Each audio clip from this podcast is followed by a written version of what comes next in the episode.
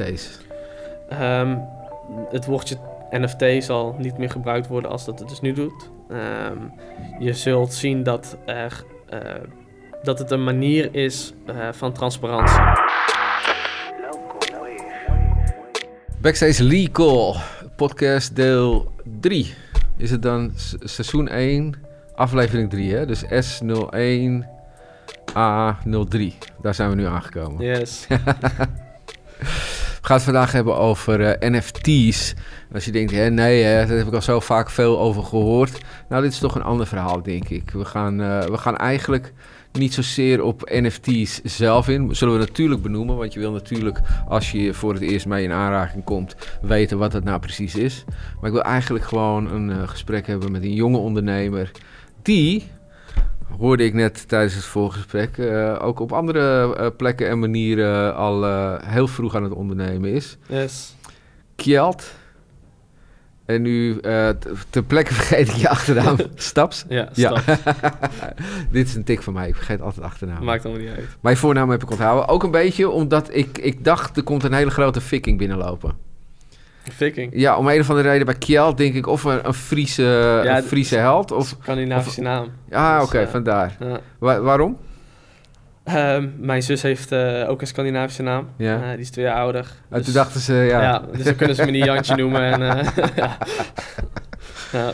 dat klinkt wel goed toch, Kjeld? Ja, ik, ik vind het een mooie naam. Ben je wel eens eh, ergens anders tegengekomen in Nederland? Eh, ja, eh, toevallig laatst nog. Toen, Serieus? Ja, maar dat is heel toevallig. Iemand op straat, op straat riep in één keer Kjeld, Kjeld, Kjeld. En ik was huh? Dus ik kijk zo achterom. En eh, een andere kleine jongen van een jaar of 15 die in één keer zo omdraait en eh eraan eh, kwam gelopen. Maar Dus, die moeder die is dan fan van de van Vikings, die serie of zo. Ik heb geen idee. ik, heb, ik, ik weet ook niet hoe het verder... Is dat niet een rare gewaarwording als iemand in één keer zo'n... ik, ik, ik, ik heet Risa Ja, en, en ik hoor mijn naam ook niet heel vaak. Dus weer altijd, heet je ook Risa? Als, ik, als, als iemand... Ja. Meestal heet ze dan ook nog Risa in plaats van Risa. ja joh, ik... I go with the flow. Sinds kinds af aan hebben eh, veel mensen iets... eh, Even, huh, Kjeld? Huh? en, eh. Kjeld, ik heb, ik heb je gevraagd om hier langs te komen. Ehm, eigenlijk om twee redenen. NFT's zijn natuurlijk hot. ja.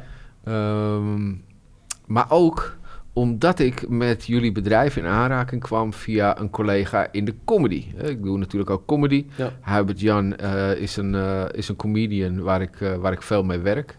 En die, eh, die bleek dus eh, NFT's eh, te, te zijn gaan doen. Ja. Ik noem het maar eventjes zo. Ja. NFT's gaan doen. En toen, toen dacht ik, nou, daar wil ik wel eens mee praten. En toen zei hij, nee, dan moet je geld hebben. Want die, die kan daar heel uitgebreid heel veel over vertellen. Ehm, kan, je, kan je in het kort, voor de mensen die, die nog helemaal niet weten wat dat nou precies zijn... kun je in Ja. het kort uitleggen wat een NFT is? Ja, een NFT is een manier waarop je eh, digitaal eigendomsrecht eh, kunt toevoegen aan digitale objecten. Oké. Ehm, dus NFT staat voor non-fungible token, Mhm. een niet uitwisselbare token. Ja. Eh, en dat houdt in dat je iets unieks kunt creëren. Ja. En in de fysieke wereld is het altijd al mogelijk om iets unieks te creëren.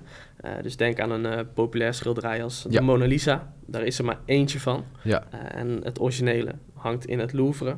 Ehm, wij hebben als mens dat iets een, een waarde gegeven. Ja. En dat schilderij is miljoenen waard. Ja. Ehm, en eh, met een NFT geldt dat precies hetzelfde, maar dan Ja. op digitaal gebied.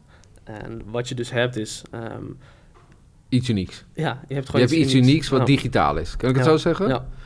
Kan, je, kan je alles wat digitaal is NFT maken?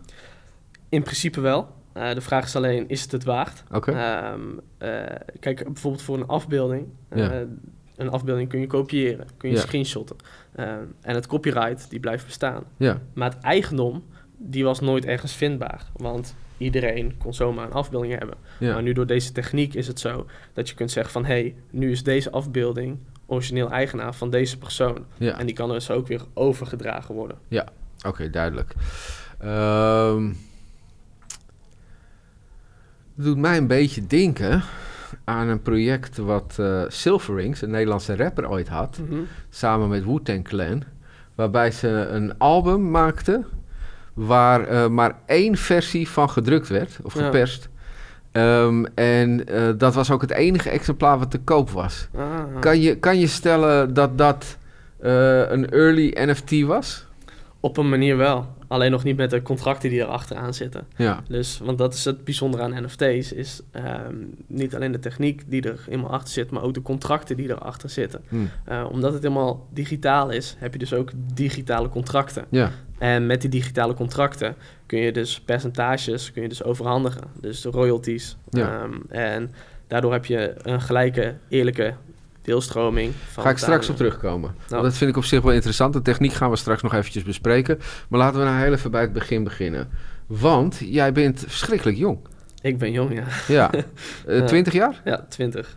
En eh, je hebt ondertussen al wat verschillende ondernemingen opgericht. Ja. Kun je, kun, je, kun je in het kort vertellen wat je allemaal gedaan hebt? Ik, eh, toen ik heel jong was, eh, handelde ik in, in Lego. Had ik een bedrijfje, Echt met, ja, had ik een bedrijfje met een vriend van mij opgezet. Oké. En eh, kochten we Lego-partijen op. En Ja. eh, verkochten we weer door. Was dat via het Ja. internet ook? Of? Ja, ja. Ja? Eh, ik, eh, ik zat vooral aan de technische kant. Een vriend van mij deed eh, alle inkopen. Wat is de technische kant van, Eh, eh, van Lego? bouwen. Oh, Ja, de webshop. ja. ik dacht, ik dacht dat jij het allemaal in elkaar zat. Nee, nee, nee. Oké, oké. Dus eh, het was ik een jaar of veertien. Oh, wauw. ja, en, eh, en, en zo daarvoor nog wat dingetjes gedaan.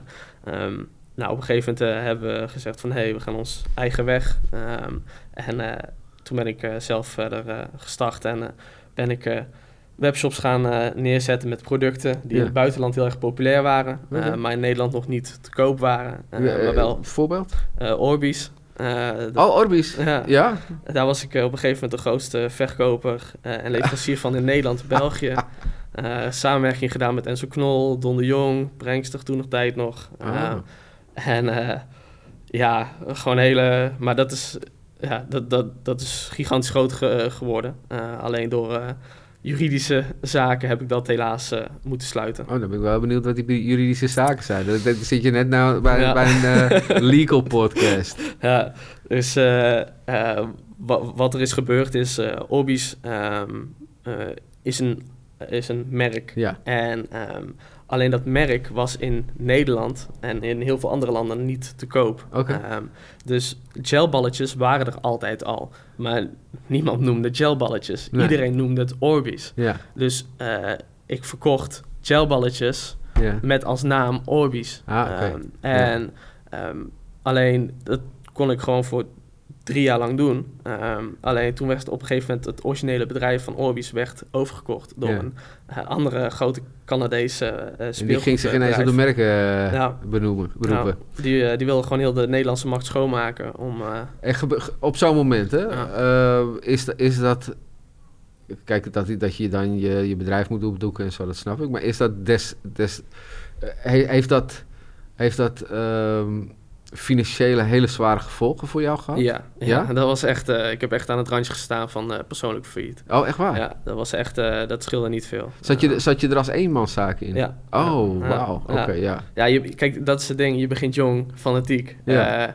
En de juridische kant krijg je wel een heel klein beetje van mee. Tuurlijk. Ehm, Maar je, je staat er niet bij stil. En, Je bent echt aan het pionieren op zo'n Ja. moment. en, en je wil met de grote jongens meespelen. Maar Ja. ja. verwacht maar als je met de grote jongens mee wil spelen. Die spelen ook hard, hè? Die spelen heel hard. Ja. Dus dan krijg je in één keer te maken met advocaten. Ja. moet je zelf een advocaat gaan regelen. Ja. Zorgen dat je juridisch onderlegd wordt. Ehm, de juiste mensen om je heen hebt. En op die manier... eh, Ja, dan zit je op een gegeven moment bij die advocaat. Eh, Dan heb je, heb je, heb je een sommatie gehad om ermee te stoppen waarschijnlijk. Ja, klopt. En, en die neemt dat door, die kijkt jou nog eens aan en die zegt op zo'n moment... Waar heb jij je in beland? ja, want die, die weet van ja, hier, hier zit toch wel heel, heel wat eh, gevolgen aan als, Ja. als je hiermee doorgaat. ja, Wa- maar ze waren dus wel zo vriendelijk om niet eh, alle, alle winst eh, op te slurpen die je gemaakt had.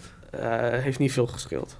Oké, dus je hebt echt, echt daar ook nog eens een keer op het randje Ja, gestaan. er zijn, eh, eh, uiteindelijk is het allemaal stopgezet. Om, omdat er, er was gewoon niks meer te halen. Ah, kijk, ik, ik was jong en al het geld wat binnenkwam, her- investeerde ik gelijk weer in mijn bedrijf. Ja. Ik hoefde geen fancy dingen, Nee. gewoon terug investeren. ja. Ehm, dus privé had ik niet veel. Nee. Ehm, en ehm, ik ben heel erg blij dat dat uiteindelijk eh, stop is gezet. Ehm, maar dat was wel, eh, dat, dat was echt de moeilijkste periode die ik ooit eh, Snap ik heel goed, ja. gehad ja. Er waren echt slapeloze ik nachten. neem ook aan, ook met je ouders. Want die, die, die zijn natuurlijk financieel ook nog een keer verantwoordelijk voor je op een bepaalde leeftijd. Ja, op dat moment niet meer. Oh, oké. Dus ehm, Maar die voelen dat ook. ja, Ja. die, die hebben... Maar ja, mijn ouders hebben, komen niet vanuit een eh, bedrijfsachtergrond. Nee. Eh, die doen gewoon lekker hun ding, eh, werken gewoon voor een baas. En, en die hebben daar heel veel plezier aan. Alleen, dat is niet de weg die ik wilde bewandelen. Nee. En ze hadden wel echt zoiets van, nee, als je, als je, dit, als je dit zo op je eigen manier wil doen, go for it. Maar wij hebben er niks mee te maken. Maar, maar spreek ik dan hier met een, een jonge Ben Woldering? I don't know.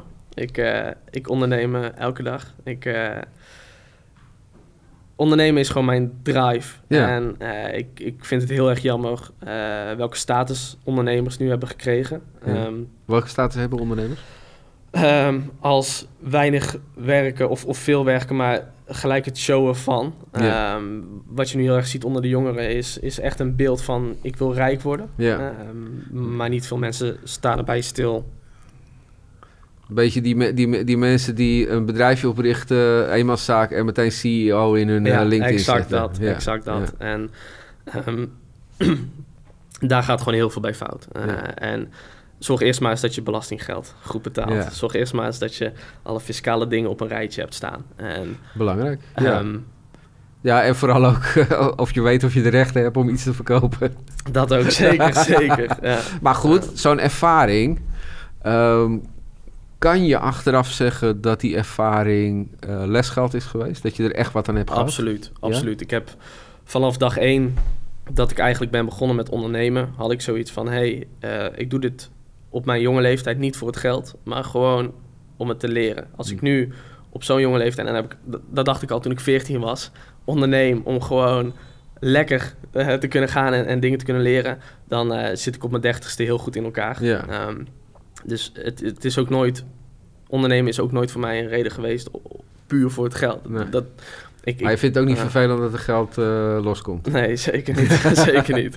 En nou, nou sprak ik je net eventjes voordat we begonnen. Ja. En toen zei je dat je ook nog heel, heel kort eh, tijdens de corona ehm, met eh, testen bent begonnen. Dat, Ja. je, dat je het eerste bedrijf had wat eh, commerciële testen aanbood. ja, klopt.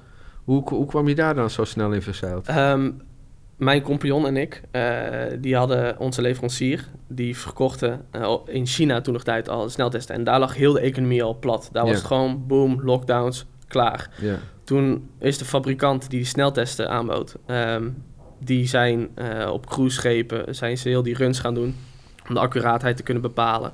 En toen de tijd was het niets anders dan net zoals dat je een zwangerschapstest kunt doen eh, Ja. om eh, erachter te komen of je zwanger bent, ja of nee. Ja. En tuurlijk zit er een accuraatheid achter van 99%, dus kan het zomaar zijn. Dat je Dat- wel zwanger bent. I- Ja. Ja.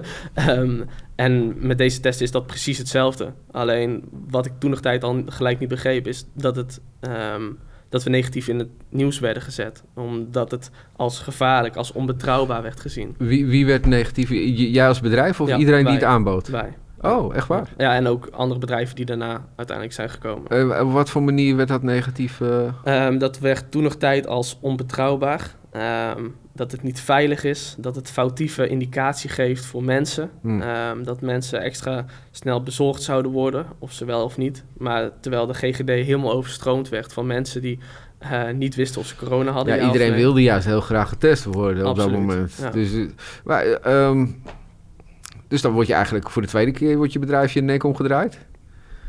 Eh, had je op dat moment niet zoiets van ik ga wel bij het zwembad werken als, eh, Oh. als badwacht?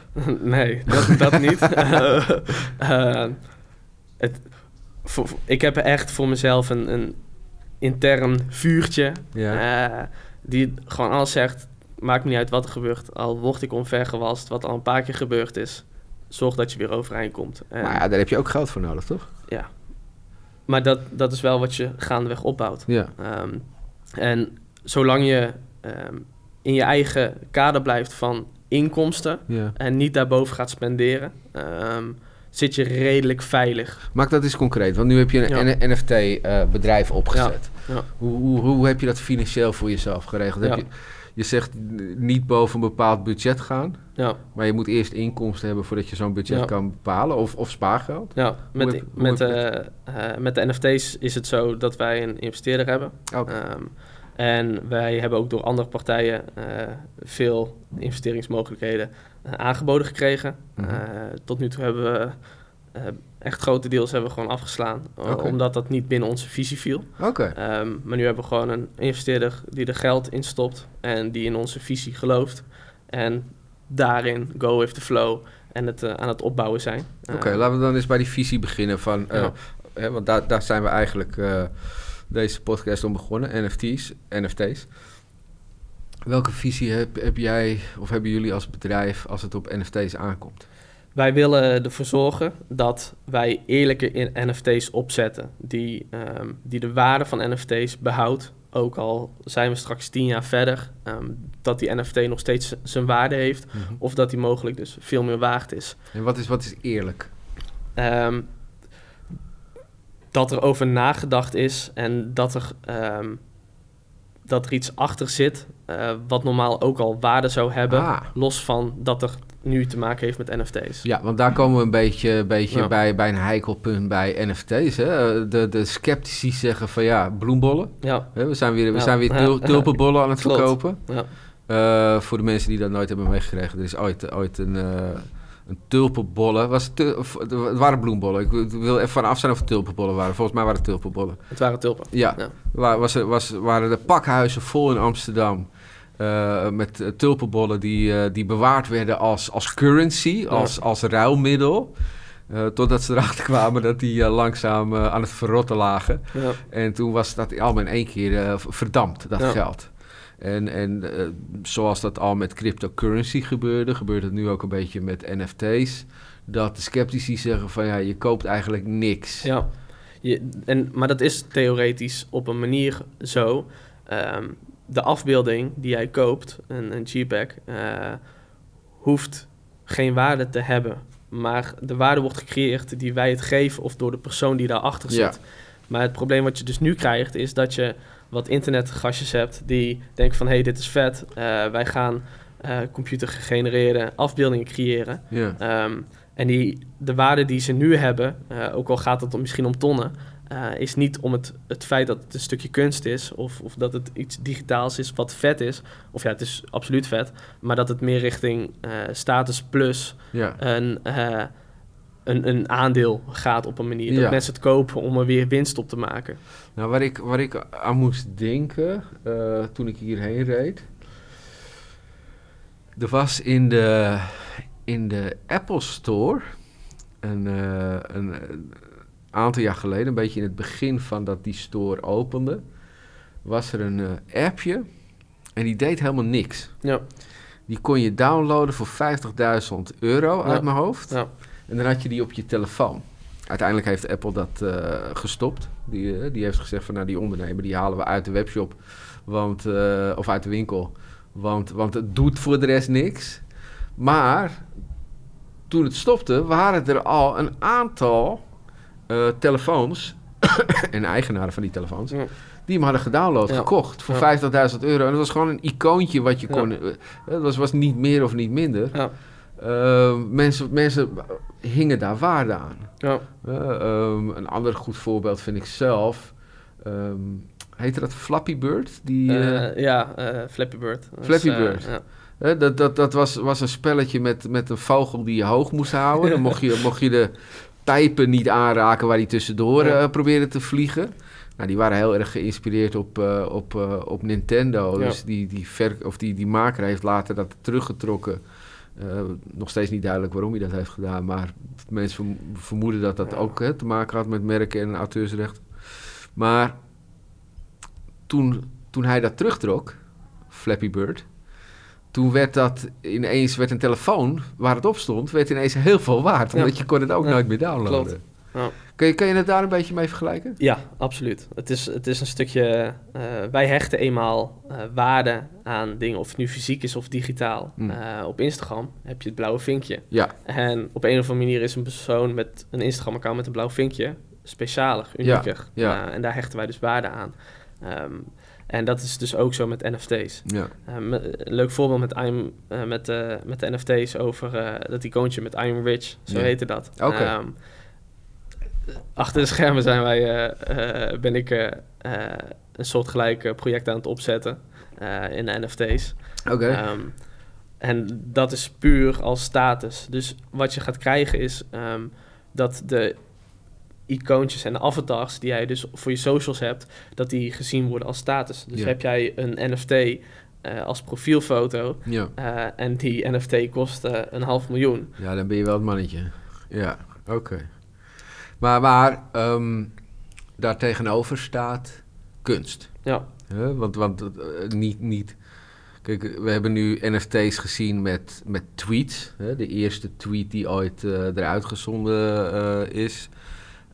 We hebben ze gezien met videoclips. Quentin Tarantino die gaat delen van Pulp Fiction uit mijn hoofd. mhm. Gaat hij aanbieden die nog nooit vertoond zijn als NFT's. ja.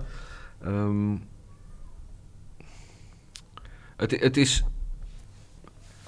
Het is. Het is niet allemaal zo digitaal als dat je zou denken. Een heel groot gedeelte van wat je koopt speelt zich vaak ook nog eens een keer offline af. ja. Er is een fysiek product of een fysieke eh, iets wat je, wat je ermee koopt. Ja, maar dat is het, het bijproduct. Uiteindelijk is een NFT het eigendomsrecht wat jij hebt over dat stukje digitale eh, object. Dus heb jij eh, die film, die kun je ook gewoon, a- als die eenmaal uit is en hij mag hergepubliceerd worden, Ja. ehm, dan kun je hem ook gewoon op YouTube kijken. Maar jij Ja. bent niet eigenaar over dat stukje film ja. die die persoon heeft uitgegeven. En dat, dat ben je wel op het moment dat je de NFT ervan koopt. Exact. En dan heb je, heb je het bewijs dat je, dat je dat hebt. Dat heb je voor eeuwig online staan. Ja, Of tenminste, zolang als die blockchain duurt. ja. Eh, maar, ja. eh, want want eh, we zouden het eventjes over de techniek hebben. Eh, Je, je, je hebt het over contracten, eh, smart contracts. Ehm, kun, kun je het in, in, laten we zeggen, een minuut of twee... kort samenvatten van wat, er nou precies, wat je nou precies koopt met een NFT? Ja, we, het begint eerst met de blockchain die erachter zit. Ja. Ehm, dus dus je, je koopt niet het copyright op een afbeelding, maar echt puur alleen het eigendomsrecht over die afbeelding. En Ja. de, blockchain is volledig transparant, omdat je alle transacties die plaatsvinden, die kun je gewoon bekijken. Eh, dus je kunt ook zien eh, voor hoeveel dat een NFT verkocht is. Ja, ga ik het, heel, ga ik het nog eventjes nog heel eh, veel makkelijker maken voor mensen die nog niet eens die blockchain helder op hun netvlies hebben. Kunnen we zeggen dat de blockchain een hele hoop computers is die continu worden gecontroleerd door een hele hoop mensen, waardoor altijd inzicht is van wie welk bestand is? Exact, exact. En het, is eigenlijk een soort van hele grote digitale bibliotheek. Ja. eh, waar continu boeken erin worden gehaald, uit worden gehaald Ja. en gecontroleerd worden. En, en ondertussen zijn er eh, een hele hoop bibliotheekmedewerkers die meekijken om Ja. te zorgen dat, dat iedereen weet waar dat boek ligt. Maar ook, ook jij als persoon hebt, hebt daar toegang tot. Dus het maakt niet uit eh, of het alleen personeel is. Het is ook gewoon, wij als, als, als burger kunnen gewoon in die contracten kijken. En Ja. kunnen kijken wat er plaatsvindt. Ja, maar tot hoe ver kan je in zo'n contract kijken? Ehm, eigenlijk volledig transparant. Dus Ja. betekent dat dat een NFT ook niet anoniem te maken is? Ehm, hangt er vanaf eh op welke blockchain die draait. Eh, wij ik ben wel achter de schermen bezig geweest om te kijken om het wel anoniem te maken. Eh, omdat dat dan mogelijkheden zijn voor ja, uniekere mogelijkheden voor, voor NFT's. Dus denk aan juridische contracten, ehm, maar ook ehm, voor politie, justitie, Ja. waar mogelijkheden zijn. De vraag is in hoeverre dat dat mogelijk gaat zijn. Ja. Ehm, maar dan zou die dus. Dan, dan is de vraag van: is het het waard om er een NFT van te maken? Of om het gewoon op een normale database te plaatsen? ja, want NFT is ook meteen veel eh, intensiever. Hè? Ja. Eh, het, Ja. het belast het milieu meer, want er zijn Ja. meer, meerdere computers die ermee bezig zijn. Klopt. Dus dus niet, niet alles wat je op de blockchain kan plaatsen, hoeft ook per se op de blockchain geplaatst te Ja, worden. Klopt. Kijk, ik weet dat, ik weet dat eh, in het begin was een argument heel erg eh, met de blockchain van ja, dan kan je, dan heb je de auteursrechten, Maar in Nederland bijvoorbeeld uh, ontstaat auteursrecht uit zichzelf. Daar Ja. heb je geen blockchain voor nodig. Klopt. Eh, eh, en, en dan kan je het inderdaad wel wat meer openbaar controleren. Maar als jij ergens duidelijk...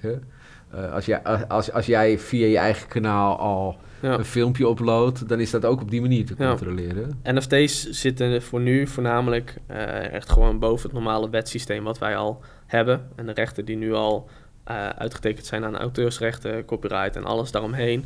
eh, daar zitten NFT's nu gewoon boven.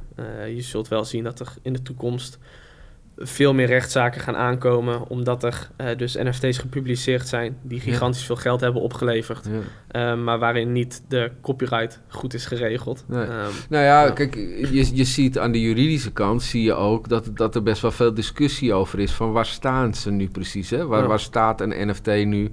Eh, niet alleen qua eigendomsrecht of qua auteursrecht. Nou ja, auteursrecht zijn we eigenlijk wel een beetje over uit. Hè? Dat, dat, dat, dat verschilt, denk ik. Als je, eh, als je, als je, een- als je een NFT zo maakt eh, dat, dat je de auteursrechten mee verkoopt, zou ik maar zeggen. Ja, dan kan, kan je dus ook het auteursrecht daarmee overdragen. Ja. Maar over het algemeen is het, is het gewoon... het auteursrecht blijft bij degene Ja. die het maakt. ja. Ehm, maar ook, eh, ook eh, of, het, of het nou eigenlijk effecten zijn. Hè? Ja. Eh, Is, is het, hoe, hoe is het financieel geregeld? Ik zag zelfs een artikel over BTW bij een eh, NFT. Dus je merkt dat, dat juristen nogal achteraan hobbelen. Ja, maar- dat is vaak zo, hè? is met alle nieuwe techniek. Ja. Ehm, dat zal ook blijven. Eh, ik denk dat het echt een paar jaar gaat duren eh, voordat we de controle inbrengen eh, die de overheid zou willen zien. Oké, maar is, dan, dan is mijn vraag... Is, is dat gat op dit moment gunstig voor jou... of kom je ook wel eens nadelen tegen? Ehm, tuurlijk zijn er nadelen die we tegenkomen. ehm, maar ik denk dat het juist... eh, het, het voelt voor mij, NFT's voelen voor mij echt het, als, het, als hoe ik het internet lees, hoe dat helemaal eh, in, in het jaar 2000 is begonnen. Ja. Ehm, zo voelt dat voor mij nu als NFT's. Dus Gewoon ongrijpbaar. Ja, dus, Ja. dus dat, het, dat het nog helemaal onbegrensd is en, Ja. en dat er nog niks aan zit, dat, dat hoort erbij. En ik denk dat daar juist de unieke dingen eh, zullen ontstaan. Ehm, en dat in de toekomst daar stapje voor stapje een laag op wordt gebouwd om dat wel beter te handhaven. Ja. Ehm, want er kunnen ook minder mooie dingen aan zitten. Nou ja, kijk, dat is natuurlijk eh, sowieso al het probleem met het internet geweest. Hè? Dat, het, begon als een vrijplaats. Ja, Maar ja, bij een vrijplaats komen er ook altijd mensen die daar misbruik van ja maken. klopt. Ga even terug naar die NFT's. Ehm, in wat voor NFT's handelen jullie? Wij handelen zelf niet in NFT's, wij zetten NFT's op. Ah, de blockchain. Ja. Ah, oké. Dus, dus eh, een kunstenaar komt naar jullie toe en die zegt: Ik wil het graag op een blockchain hebben. Ja, ja, exact. En dan zijn jullie de, de, de- wat, wat, wat we in de muziekwereld de uitgever zouden. zouden Ja, op een manier wel, ja. Of de Eh, exploitant, de, de, het, het recordlabel. eh, ja, alleen ehm, willen wij wel echt alle credits blijven geven aan de kunstenaars. Eh, dus wij zorgen echt voor de techniek en het meedenken in een succesvolle campagne. Ja. Uiteindelijk is het niet heel ingewikkeld om een NFT te maken. Nee. Eh, dat is een paar klikken en hij staat online. ja. Ehm, maar om die NFT succesvol te laten worden, ehm, net zoals dat een kunstenaar eh, fysieke schilderijen verkoopt en er daar 100 per jaar van verkoopt, ja. eh, doe dat ook maar eens digitaal. En dat is toch weer een ander jasje die daar omheen moet en dan op een andere manier dat de branding gevoerd moet worden. Dus jullie faciliteren eigenlijk de techniek en, en de bekendmaking van, de ondersteuning, de Ja. PR Ja. van zo'n eh, NFT. Ja, maar dat, dat is echt ontstaan doordat we ons eigen label gecreëerd hebben. Ja. Dus we hebben, eh, ik heb het bedrijf met Huip, hebben nfts.nl. Ja. Dat is dus echt voor bedrijven, organisaties, eh, andere mensen die eh, NFT's willen opzetten. Ja. En dan hebben we Dutch NFT Drops opgericht. En dat is echt een los label waar wij onze eigen NFT's opzetten voor kunstenaars. Oké, en wa- wat is dan het, het, het verschil?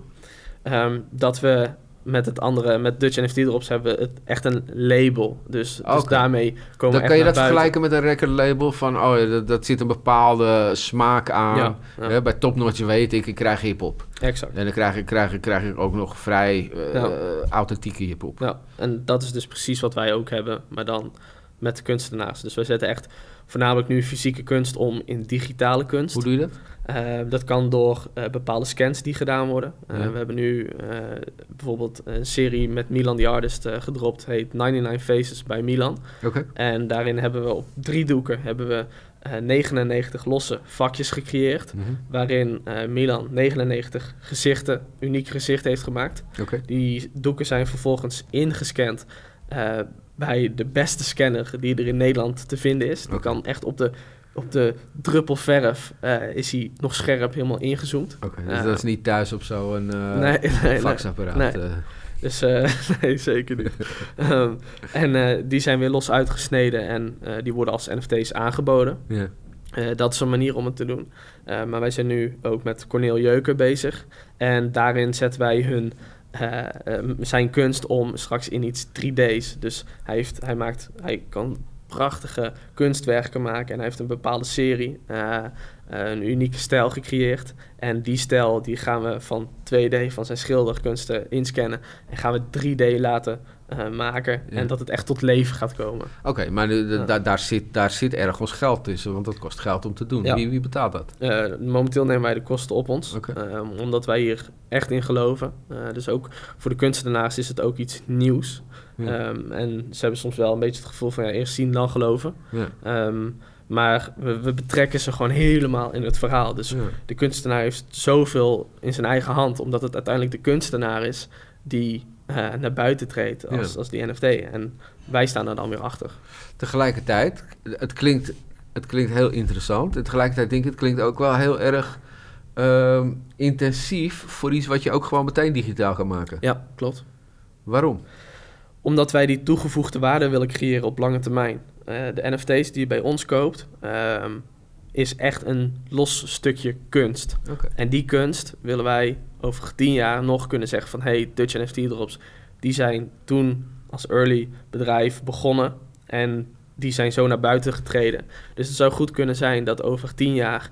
dat als iemand een, eh, een werk van ons, een NFT heeft... Ja. eh, daar aan heel de wereld kan laten zien van... hey, ik heb dit eerste unieke eh, digitale kunstwerk nu aan mijn muur hangen. ja, Dus, oh. wel heel interessant. Wat gebeurt er nou met die, met die doeken die, eh, die je hebt ingescand? Ga- Die gaan de prullenbak in? Nee, die gaan niet Oh. de prullenbak in. Eh we hebben ze nu gewoon op kantoor hangen. Ehm, maar we, we hebben ook soms wel eens nagedacht over van... hey, we kunnen ook een, een drop doen waar we kunstwerken... die dus fysiek zijn gemaakt, digitaal inscannen. En dat vervolgens het kunstwerk die fysiek is... dus echt verdwijnt, gewoon kapot gaat... Of, in de fik of wat dan ook.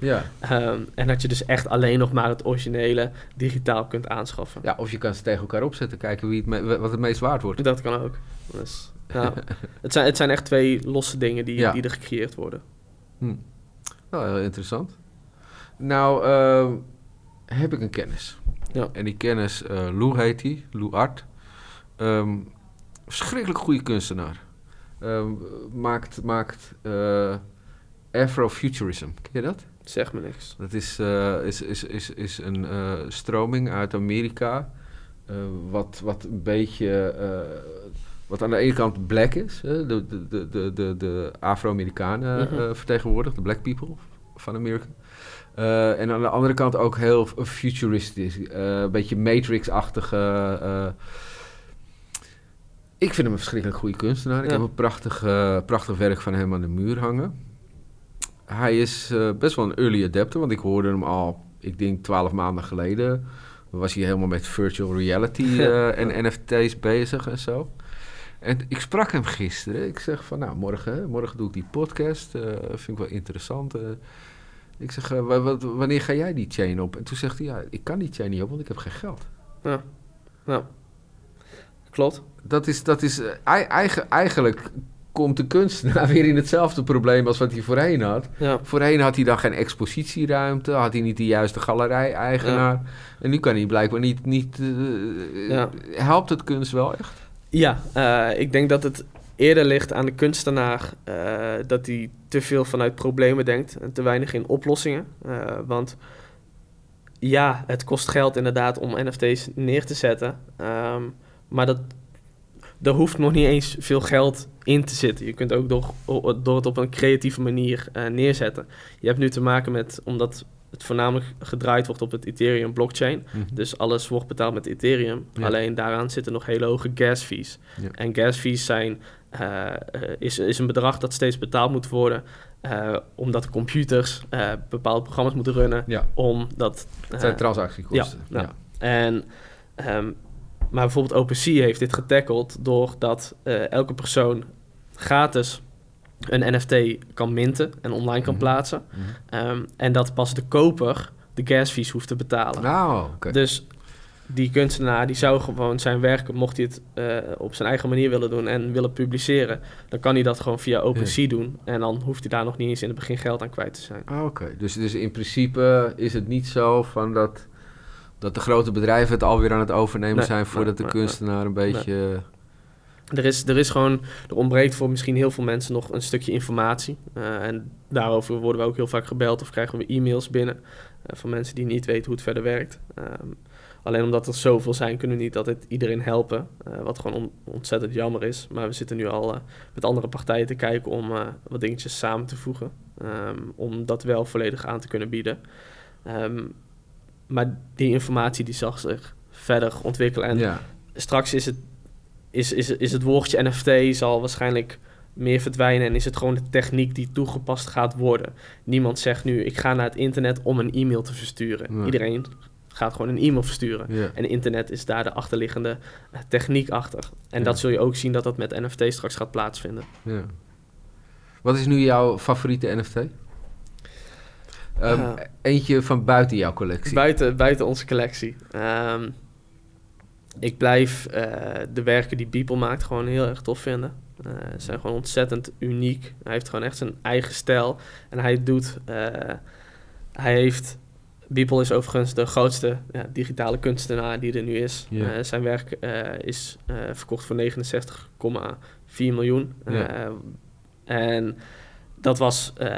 dat waren 5000 werken die hij elke dag over de afgelopen jaren gemaakt Ja, heeft. dat En heeft hij dus nooit gedaan met de intentie om... Nee. Want toen bestond die hele NFT eh, Klopt, nog niet. klopt. Dat deed hij gewoon voor de fun. En, en hij was altijd al een grote grafische ontwerper. Ja. eh, ook voor andere grote bedrijven. Dus het was niet eens dat hij NFT's nodig had. Ehm, maar hij is er zo ingerold. Ja. En, eh, Hij is er niet op achteruit gegaan. nee, zeker niet. Maar die, die pakt dus echt hedendaagse dingen die in het nieuws komen. eh, pakt hij en verwerkt hij nu in zijn digitale kunst. En is, is die dan ook helemaal overgestapt op NFT's? Of is het voor hem iets wat hij er leuk bij blijft doen? Ehm, eh, wat ik denk is dat hij echt, eh, dat dit echt eh, zijn. Als je gaat hoeveel geld dat hij eraan verdient. Ja. Eh, ja, hij kan alles online zetten en hij eh, verdient er miljoenen mee. Eh, Is dat ook niet stiekem een beetje jouw droom?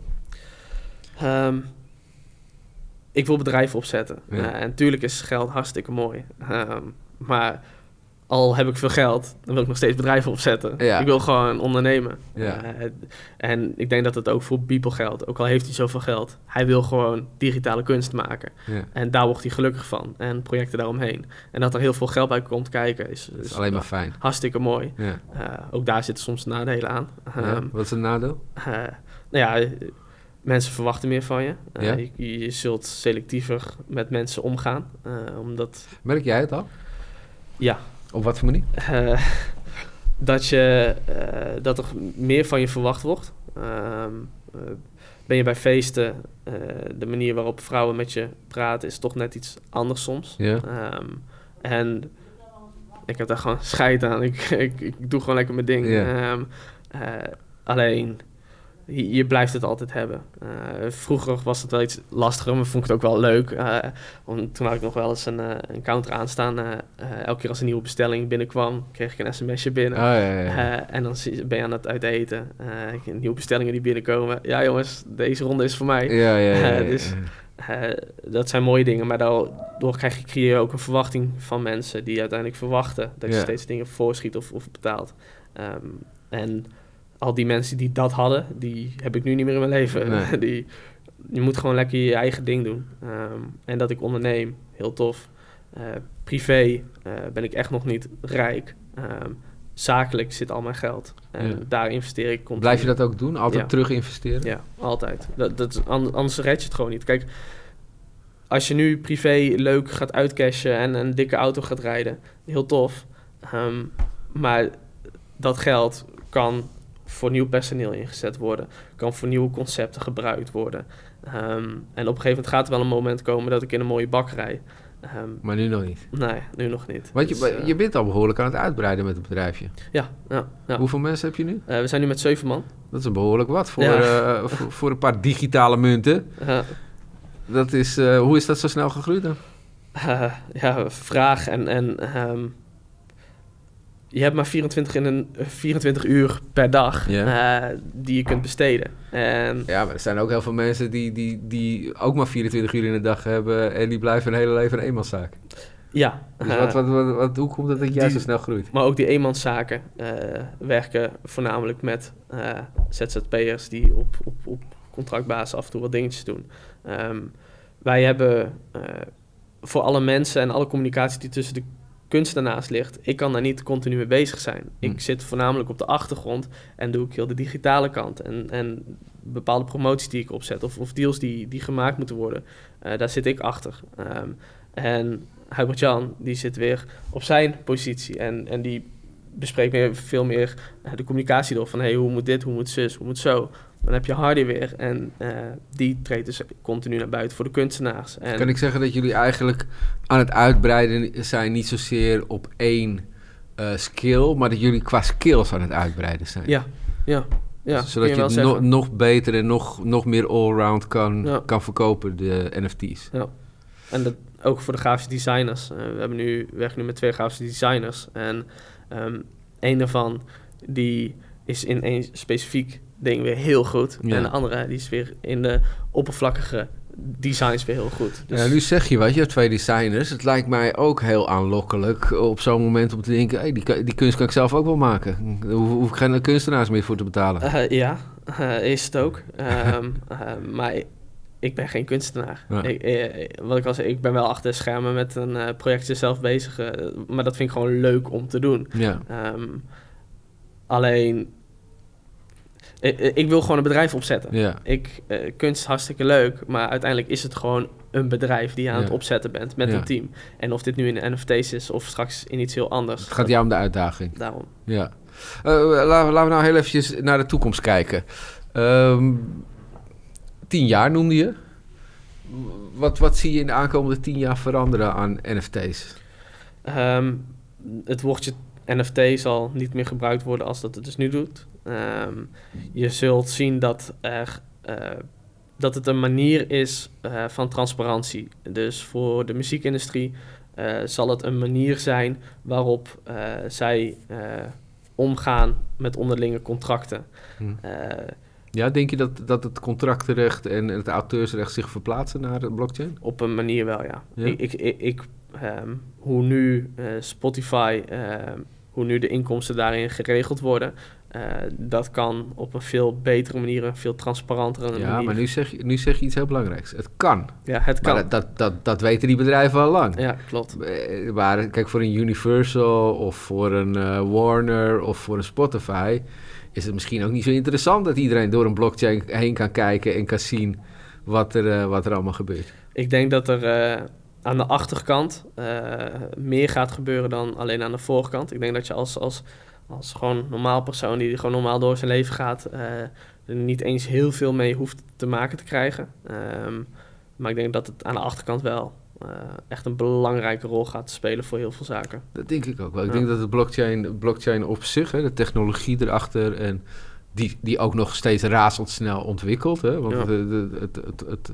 er wordt ook heel erg gekeken naar van hoe kunnen we het minder milieubelastend maken Ja. en, en hoe kunnen we bepaalde privacy issues bijvoorbeeld. Hè, want het heeft natuurlijk voordelen, maar ook nadelen Ja. dat alles zo vast staat. Hè. Ja. Zeker, zeker als je, als je bekijkt dat bepaalde gegevens mag je helemaal niet zo lang opslaan. Maar ja, die staan voor eeuwig in zo'n blockchain. Klopt. Als je daar dus geen oplossingen voor vindt. Ehm, maar je, zie, je ziet dat het zich heel erg aanpast. Ik geloof ook zeker dat het aan de achterkant belangrijk wordt. Tegelijkertijd, en ik denk dat jij daar meer zicht op hebt dan ik. Kijk, bij elke, elke revolutie denken we altijd dat de kleine man ervan gaat pro- profiteren. En dat blijkt achteraf dan toch vaak niet zo te zijn. Ja. Hè? Met YouTube en met Spotify dacht, dacht iedereen van... nou, nu, nu gaat de muzikant... Nu is de muzikant aan zet. En Is- uiteindelijk zie je dat grote bedrijven weer van alles verzamelen... waardoor het bijna onmogelijk wordt om op te vallen tussen, tussen andere YouTube-filmpjes. En dan, ja, dan moet je, moet, je, da- da- moet je daar weer rechten Ja. voor overdragen. Want dat is je enige currency die je hebt als artistiekeling. Uiteindelijk is het eh, grotendeels van belang voor een bedrijf hoeveel geld komt er binnen, hoeveel geld gaat eruit. Ja. En als er met NFT's de techniek erachter eh, een bedrijf meer geld kan opleveren, eh, dan gaan ze daar Gaan mee. ze, gaan ze daarmee Ja. naar haal. Ik kan eh een leuk voorbeeld opnoemen die ik eh, eh, bijna een jaar geleden eh, al bedacht. Ehm, en dat is als volgt. Een autofabrikant ehm, verkoopt nu auto's. Ja. Stel een auto wordt verkocht voor 50.000 euro. Ja. Dan kunnen ze één keer aan die 50.000 euro verdienen. Ja. Ehm na de hand kunnen ze verdienen aan de onderdelen. Ja.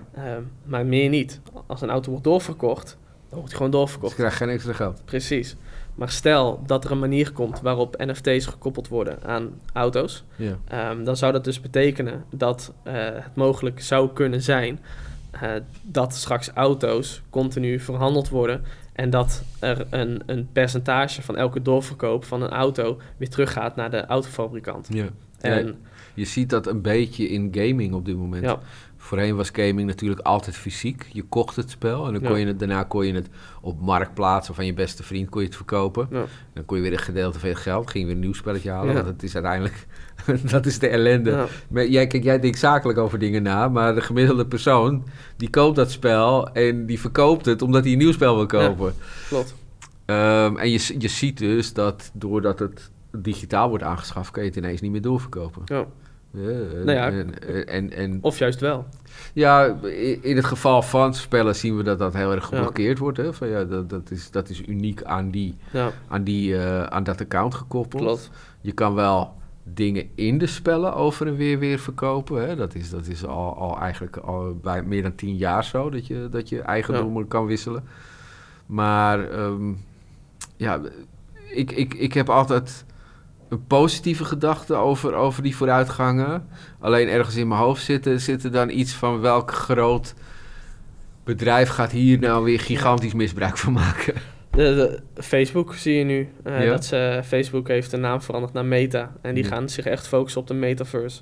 Oké. En je, we gaan een hele gekke periode tegemoet komen. En NFT's is niet alleen iets wat iets moois is. Er zitten ook hele grote nadelen aan vast. En als je kijkt naar de toekomst op digitaal gebied... ehm, daar zitten gigantische dingen aan vast. Ja. Eh, Gaan we naar een Matrix-maatschappij?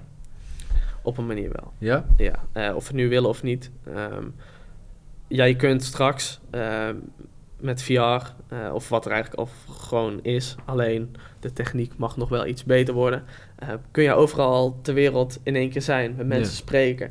eh, terwijl jij gewoon op jouw kamertje Ja. zit. Dus je, je, je ligt al eigenlijk in, Ja. in die, in die cocon. Ja, en, en dat geldt ook voor het werk in Venezuela. Daar spelen gewoon mensen alleen maar bepaalde games om vervolgens van die games eh, geld te kunnen maken en in, in dat Die spel. accounts te verkopen ja. en zo, ja. En daar kunnen ze geld mee verdienen, omdat daar betaalmiddel gewoon uh, Er zit al een beetje in de matrix is. Ja. Eh, Nou, oké, laten we het op een positieve noot afsluiten. Want, want ik geloof heel erg dat je, dat je zelf eh, er op een positieve manier in staat. Ehm, we weten nu waar over tien jaar volgens jou eh, de NFT staat. Maar waar sta jij? Ben jij nog steeds bezig de NFT's te verhandelen of heb je alweer een ander bedrijf? over tien jaar ehm, denk ik dat ik wel een ander bedrijf heb. Ehm, ik heb eh, nu met mezelf afgesproken dat ik eh, tot mijn 25ste, dus tot en met 2025, eh, vol gas ga op ondernemen. Ehm, en er alles aan ga doen om mijn doelen te behalen. Ehm, en dat ik dan mogelijk eh, wat bedrijven verkoop. Ehm, en dat ik op die manier dan weer een heel nieuw plan ga maken van... hé, hey, hoe wil ik verder? Ja. Maar het is... De, Het stopt nooit. nee, want je kunt met ondernemen... je leert elke dag weer iets. En elke dag verander je weer in je hoofd. Elke dag word je weer een stukje volwassener. Elke dag ontmoet je weer nieuwe mensen. Elke dag krijg je weer nieuwe kansen. Ja. Het is continu een lijn die omhoog gaat, omlaag gaat, omhoog gaat, omlaag gaat, omhoog gaat, omlaag gaat. En over vijf jaar, ik, ik ben heel erg benieuwd waar ik sta. Ik weet wel dat ik eh, elke dag vooruitgang boek. Eh, niet alleen financieel, maar ook gewoon eh, op privégebied. Ja. Ehm, en ik... je, bent, je bent over het algemeen genomen, zelfs met al die juridische lessen die je krijgt, nou, ben je er niet slechter op geworden. zeker niet. Zeker niet. Het is eh, meer humble. Gewoon, gewoon lekker ondernemen. En alle mensen die maar willen bla bla bla, weg ermee. Gewoon lekker je ding doen. Nice. Nou ja, daar gaan we het mee afsluiten. Lekker je ding doen. Eh, ga jij ook lekker je ding doen. En dan uh, volgende keer kijk je weer naar Backstage Legal.